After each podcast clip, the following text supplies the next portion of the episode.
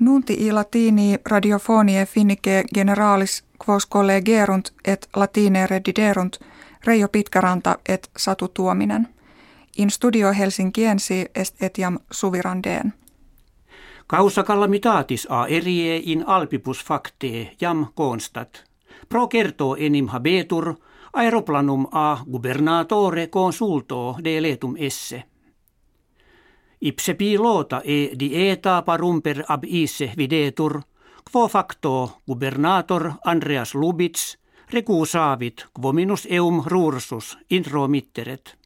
De inde aeroplanum cum omnium interitu in montem direxit.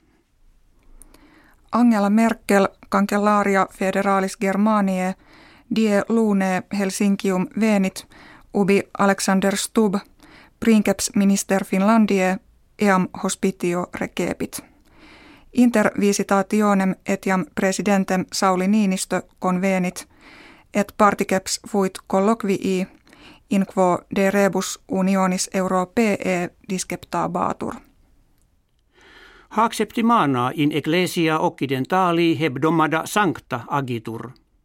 Initium cepit a dominica palmarum, kve ad memoriam adventus Jesu in urbem Hierosolyma celebratur.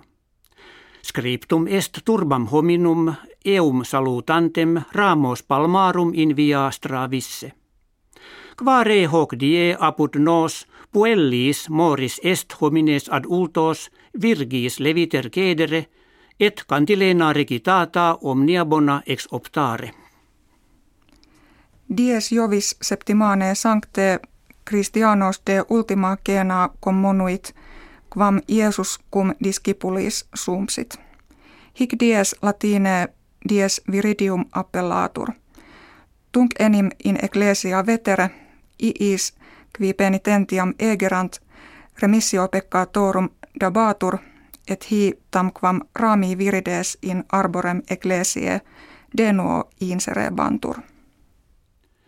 Hodie diem passionis Christi habemus. Sunt qui putent Iesum anno trigesimo tertio in cruce fixum esse. Tum enim in regione Hierosolymitana eclipsis solis fuit, cuius mentionem evangeliste inferre videntur.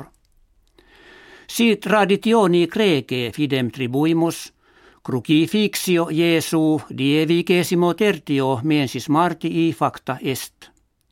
Ii autem qui memoriam latinam sequuntur, eam biduo post sive die vigesimo quinto justem mensis evenisse credunt. Vulgo creditum est die Saturni sive postridie quam Christus mortuus et sepultus est, malos spiritus in aere volitare. Ad eos de pelendos in Finlandia occidentali – eo die vesperi magne lignorum strues comburuntur, quarum flamme in tenebris longe lateque e lucent. In historia evangelica traditum est Jesum tertio die sive die dominico mane e mortuis excitatum esse, et postea discipulis suis apparuisse. Miraculum resurrectionis tantum est, ut non solum homines magno gaudio afficiat, sed etiam nature letitiam parare videatur. Est enim vetus opinio solem illo mane orientem in celo cum jubilatione saltare. Hec habuimus kve vobis hodie referemus. Restat ut vobis bonum diem dominice resurrectionis ex optemus valete.